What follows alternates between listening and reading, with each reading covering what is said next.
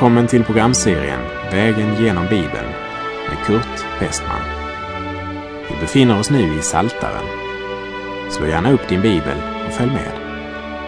Programmet är producerat av Norea Radio Sverige. På vår vandring Vägen genom Bibeln så har vi kommit till psalm 113 som är en hallelujasång där psalmisten tackar Gud både för skaparverket och för förlossningens under. Och den är den första av Hallelsalmerna som utgörs av psalmerna 113 till och med 118. Och vi läser 113, vers 1.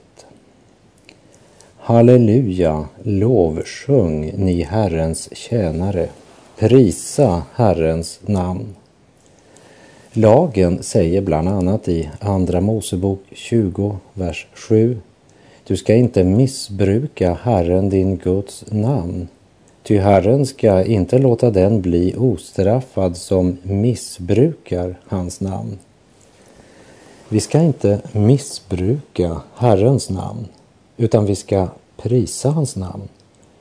Och vi kan aldrig prisa honom för mycket. Han är skapelsens herre och skapelsens förlossare. Vi läser i Saltaren 113, verserna 2 till och med 6.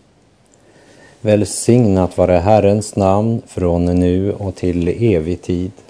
Från solens uppgång ända till dess nedgång ska Herrens namn prisas. Herren är upphöjd över alla folk, till himlen når hans ära. Vem i himlen och på jorden är lik Herren, vår Gud? Han som tronar så högt, han som ser så djupt ner. Ja, vem i himlen och på jorden? Herrens namn ska prisas från solens uppgång till dess nedgång. Det talar dels om all den tid du är vaken, från det solen går upp och tills du somnar in. Men framför allt talar det om att Herren ska prisas från öster till väster, från solens uppgång till dess nedgång, det vill säga över hela jorden. Och lägg märke till vad Gud gör. Vi läser verserna 7 till och med 9. Han som reser upp den ringe ur stoftet och lyfter den fattige ur dyn för att sätta honom hos förstar, hos sitt folks förstar. Han som låter en barnlös kvinna bo i huset som en lycklig mor omgiven av barn. Halleluja. Halleluja, lovsjung Herren. Det är tid att prisa hans namn. Och det är min bön att vandringen genom saltarsalmerna ska skapa mera lovsång, tacksägelse och lovprisning av Gud i mitt liv. Och jag önskar detsamma för dig som lyssnar. Må Guds folk jubla och prisa Herren för hans kärlek, nåd och barmhärtighet. Lovad vare Herren. Gud är god.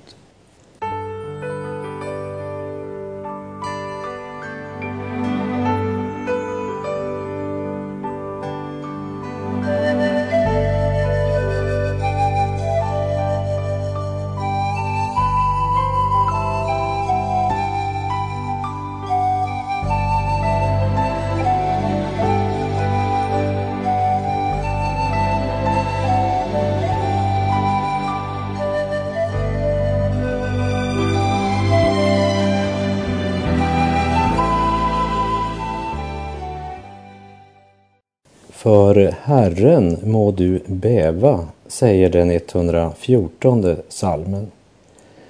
Efter den generella lovprisningen av Herren i psalm 113 så följer den 114 salmen med en historisk lovprisning där det poängteras att också själva naturen bävar för Herren.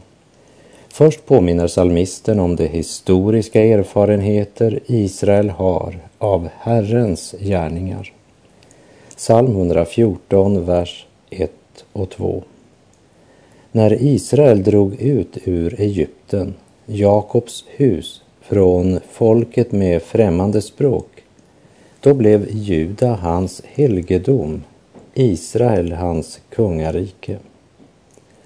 Israel hade varit hopplöst bundna av en stark fiende, tvingade till träldom, bundna, plågade, förnedrade. Och deras förlossning och uttåg, det var Herrens verk. Och deras vandring från Egypten till löfteslandet var också Herrens verk. Som eh, Jakobs hus hade de dragit in i Egypten den gången. Och trots att de förökats och växt enormt så var de verkligen nära förenade med varann. Och de hade genom hela träldomstiden bevarat sitt språk. Och den sanningen är aktuell även för oss idag. Kära Guds barn, du bevarar väl ditt språk? Och då tänker jag inte på det svenska språket, men jag tänker på skillnaden mellan det språk och det tal som präglar den ogudaktiga världen och det tal som präglar det gudfruktiga, Herrens utvalda. I Johannes 15, vers 19 så säger Jesus Om ni vore av världen skulle världen älska er som sina egna. Men ni är inte av världen utan jag har utvalt er och tagit er ut ur världen. Därför hatar världen er. Låt orden om att Gud avskilde Jakobs barn från Egypten som hade ett främmande språk tala till ditt hjärta idag. Som Jakobs hus hade de dragit in i Egypten den gången, som Israel drog dem ut. De hade blivit ett folk och då blev Juda Guds helgedom. Det var efter att Israel tågat ut ur Egypten som Herren satte upp sitt tabernakel mitt ibland sitt folk och uppenbarade sin närvaro mitt ibland dem. De skulle tillhöra honom som befriat dem och från uttågets ögonblick skulle de vandra med Herren. Och vi läser ifrån Andra Mosebok 6, verserna 6 till och med 8. Säg därför till Israels barn, jag är Herren och jag ska föra er ut från slavarbetet hos egyptierna och rädda er från träldomen under dem. Och jag ska rädda er med uträckt arm och genom stora straffdomar och jag ska ta er till mitt folk och vara er Gud. Och ni ska erfara att jag är Herren, er Gud, han som för er ut från slavarbetet hos egyptierna. Och jag ska föra er till det land som jag med upplyft hand har lovat ge åt Abraham, Isak och Jakob. Det ska jag ge er till besittning. Jag är Herren. Och i Saltaren 114 läste vi, då blev Juda hans helgedom, Israel hans kungarike. Och Saltaren 114 fortsätter i vers 3. Havet såg det och flydde. Jordan vände tillbaka. När Gud förde sina förlossade fram på väg mot det utlovade landet så måste Röda havet dela sig för att bereda dem väg. Och när de skulle gå över Jordanfloden för att inta landet så blev Jordans vatten som kom uppifrån avskuret i sitt lopp så att Israel kunde torrskodda vandra över. Det betydde inte att det folk som var Herrens helgedom därmed hade en problemfri tillvaro. Men hur hopplöst det än kunde se ut så beredde undrens Gud alltid en väg vidare för sitt folk. Och vi läser verserna 7 och 8. För Herren må du bäva, du jord, för Jakobs Guds ansikte, för honom som förvandlade klippan till en vattenrik sjö, hårda stenen till en vattenkälla. Han kan förvandla allt, sjunger vi i en sång.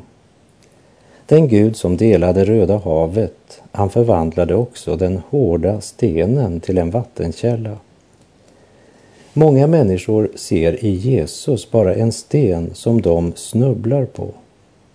Men den som bävat inför Herrens ansikte och fått dricka ur klippan som blivit slagen, han prisar och upphöjer Guds klippa. Salmisten känner sitt folks historia och med bakgrund i den så uppmanar han hela skapelsen och alla levande väsen att bäva för Herren och tjäna honom med fruktan. Inte rädsla, men respekt. Med sann gudstro följer alltid en helig fruktan. I sitt brev till församlingen i Filippi skriver Paulus bland annat arbeta med fruktan och bävan på er frälsning.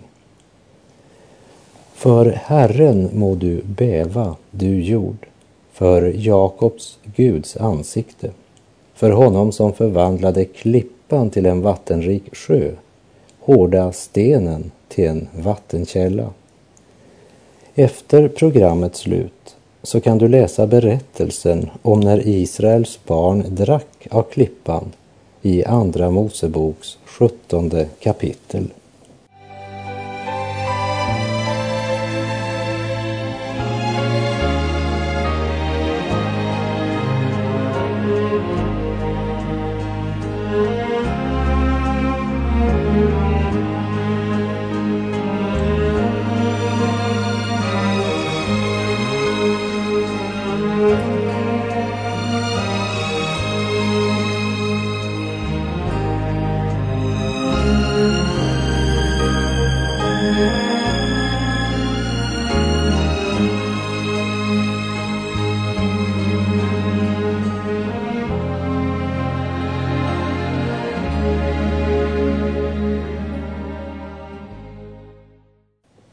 I den 114 salmen tackade och prisade salmisten Gud för vad han gjort tidigare i historien.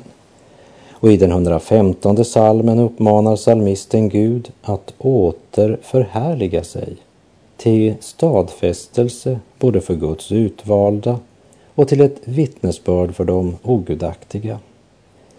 I den här salmen som blev sjungen på övre sal då Herren Jesus instiftade den heliga nattvardsmåltiden. Det är fascinerande att tänka på att Herren Jesus själv sjöng den här salmen och många av de andra salmerna. Vi läser psalm 115, vers 1. Inte åt oss, Herre, inte åt oss, utan åt ditt namn ge ära för din nåds och din sannings skull. Här intar man en ödmjuk hållning. Det är sannolikt att salmen har skrivits av någon som firade Israels återvändande från fångenskapet i Babel. De hade hamnat i Babels fångenskap därför att de hade glömt sin Gud och vänt honom ryggen. Men nu har Gud befriat dem. Hans är äran. Har Gud gripit in i ditt liv? Präglas ditt liv och dina tankar av denna hållning? Inte åt oss, utan åt ditt namn tillkommer äran. Och vers 2. Varför ska hedningarna säga, var är nu deras Gud? De ogudaktiga säger, om han verkligen är din Gud, varför hjälper han dig inte då? Och vi läser vidare vers 3. Vår Gud är i himlen, han gör allt vad han vill. Israel visste att det var på grund av deras synder de led. I Jesaja 55, verserna 7 till och med 9 står det Må den ogudaktige överge sin väg och den orättfärdige sina tankar och vända om till Herren så ska han förbarma sig över honom och till vår Gud, ty han ska skänka mycken förlåtelse. Se, mina tankar är inte era tankar och era vägar är inte mina vägar, säger Herren. Nej, så mycket som himlen är högre än jorden, så mycket är också mina vägar högre än era vägar och mina tankar högre än era tankar. Vår Gud är i himlen. Ja, det var mer än vad hedningarna kunde säga. För deras avgudar var ju bara något som de själva tillverkat. Som det står i verserna vidare från 4 till och med 8. Men deras avgudar är silver och guld, verk av människohänder. De har mun men talar inte, de har ögon men ser inte, de har öron men hör inte, de har näsa men luktar inte. Med sina händer tar de inte, med sina fötter går de inte, i sin strupe har de inget ljud. Det som har gjort dem blir dem lika, ja, alla som förtröstar på dem.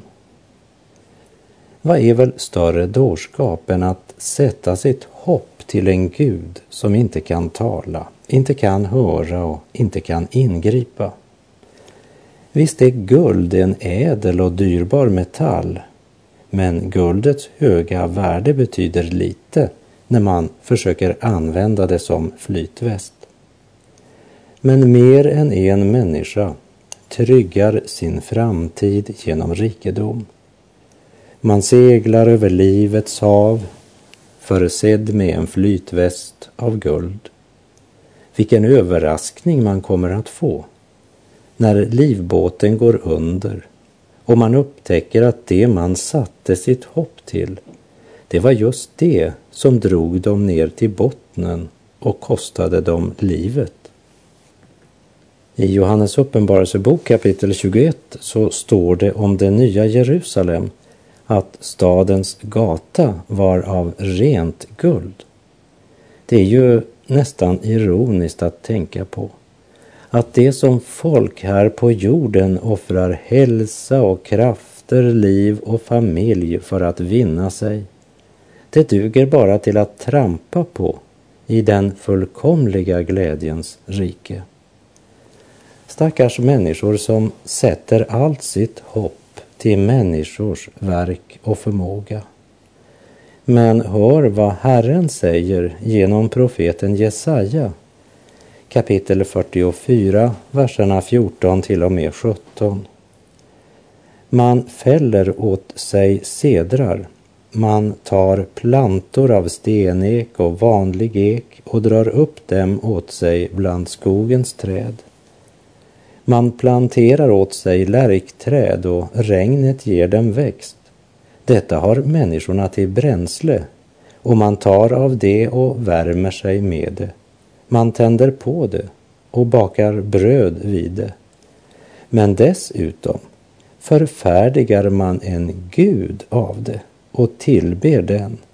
Man gör en gudabild och faller ned för den. En del av träet bränner man alltså upp i eld. Över en annan del av det tillagar man kött till att äta, steker sin stek och äter sig mätt. När man så har värmt sig säger man gott, nu är jag varm, nu njuter jag av brasan. Men av det som är kvar gör man en gud. Man gör sig en bild och för den faller man ned och tillber. Man bönfaller inför den och säger rädda mig, ty du är min Gud. Människorna tillber stumma avgudar. Ja, det är det karaktäristiska med en avgud. Har du en avgud så är det du som får stå för pratandet. Det är envägskommunikation. Det är väl inte så med ditt förhållande till Gud? Du lyssnar väl till Herrens röst? Du studerar väl Guds ord? En avgud måste människan bära. Jakobs Gud är den Gud som bär människan. Ja, det är sannerligen skillnad på att vara religiös och på att genom tron i Kristus äga vilan i Gud.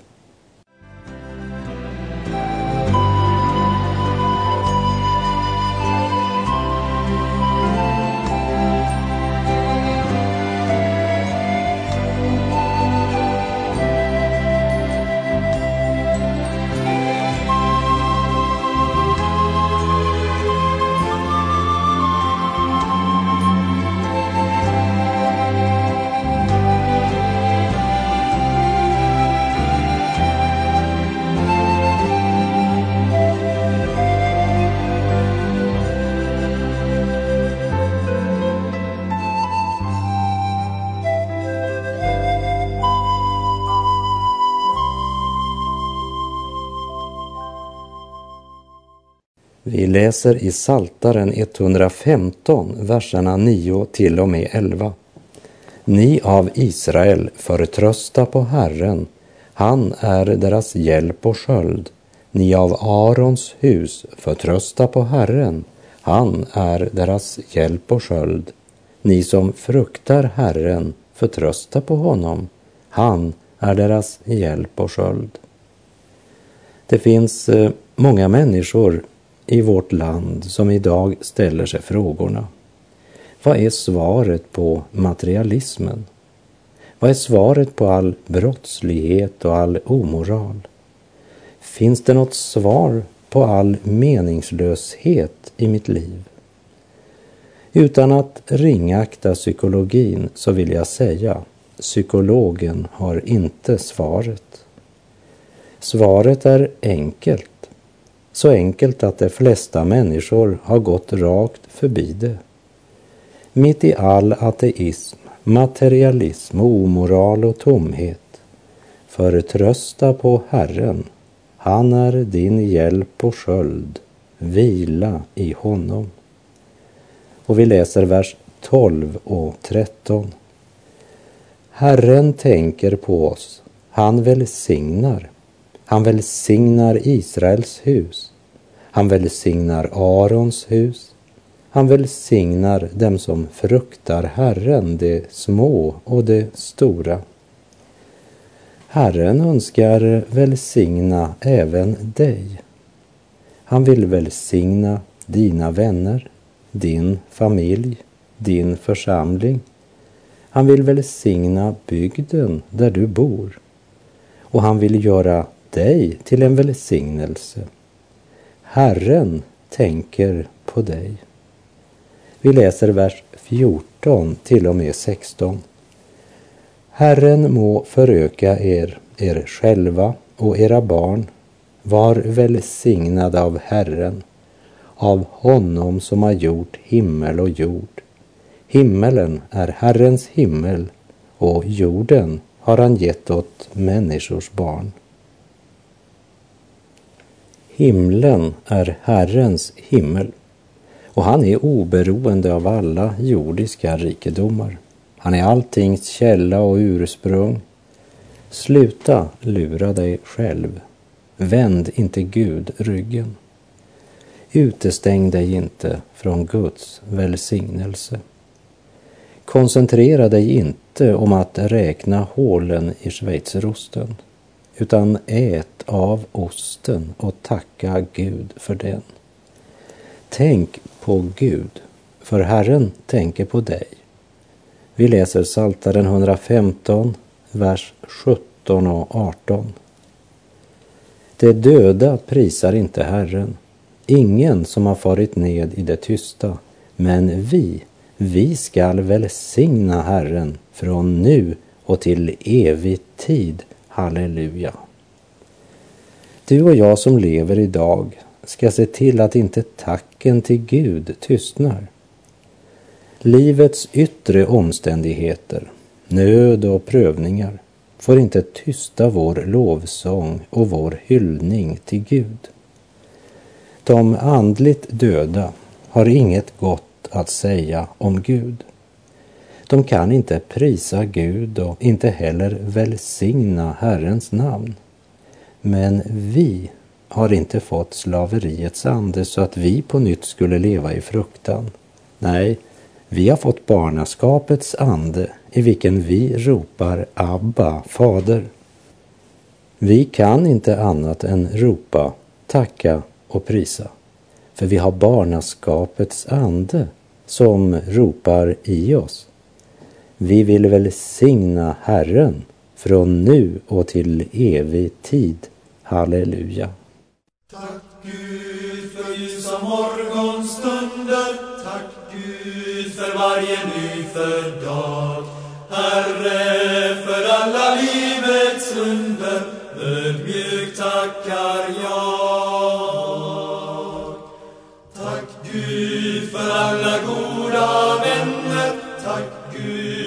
Din förlåtelse. Herre, om människors hat mig bränner, hjälp mig för dem be. Tack Gud för sorg som fostran giver, tack Gud för varje vänlighet. Herre, din kärlek gränslös bliver i all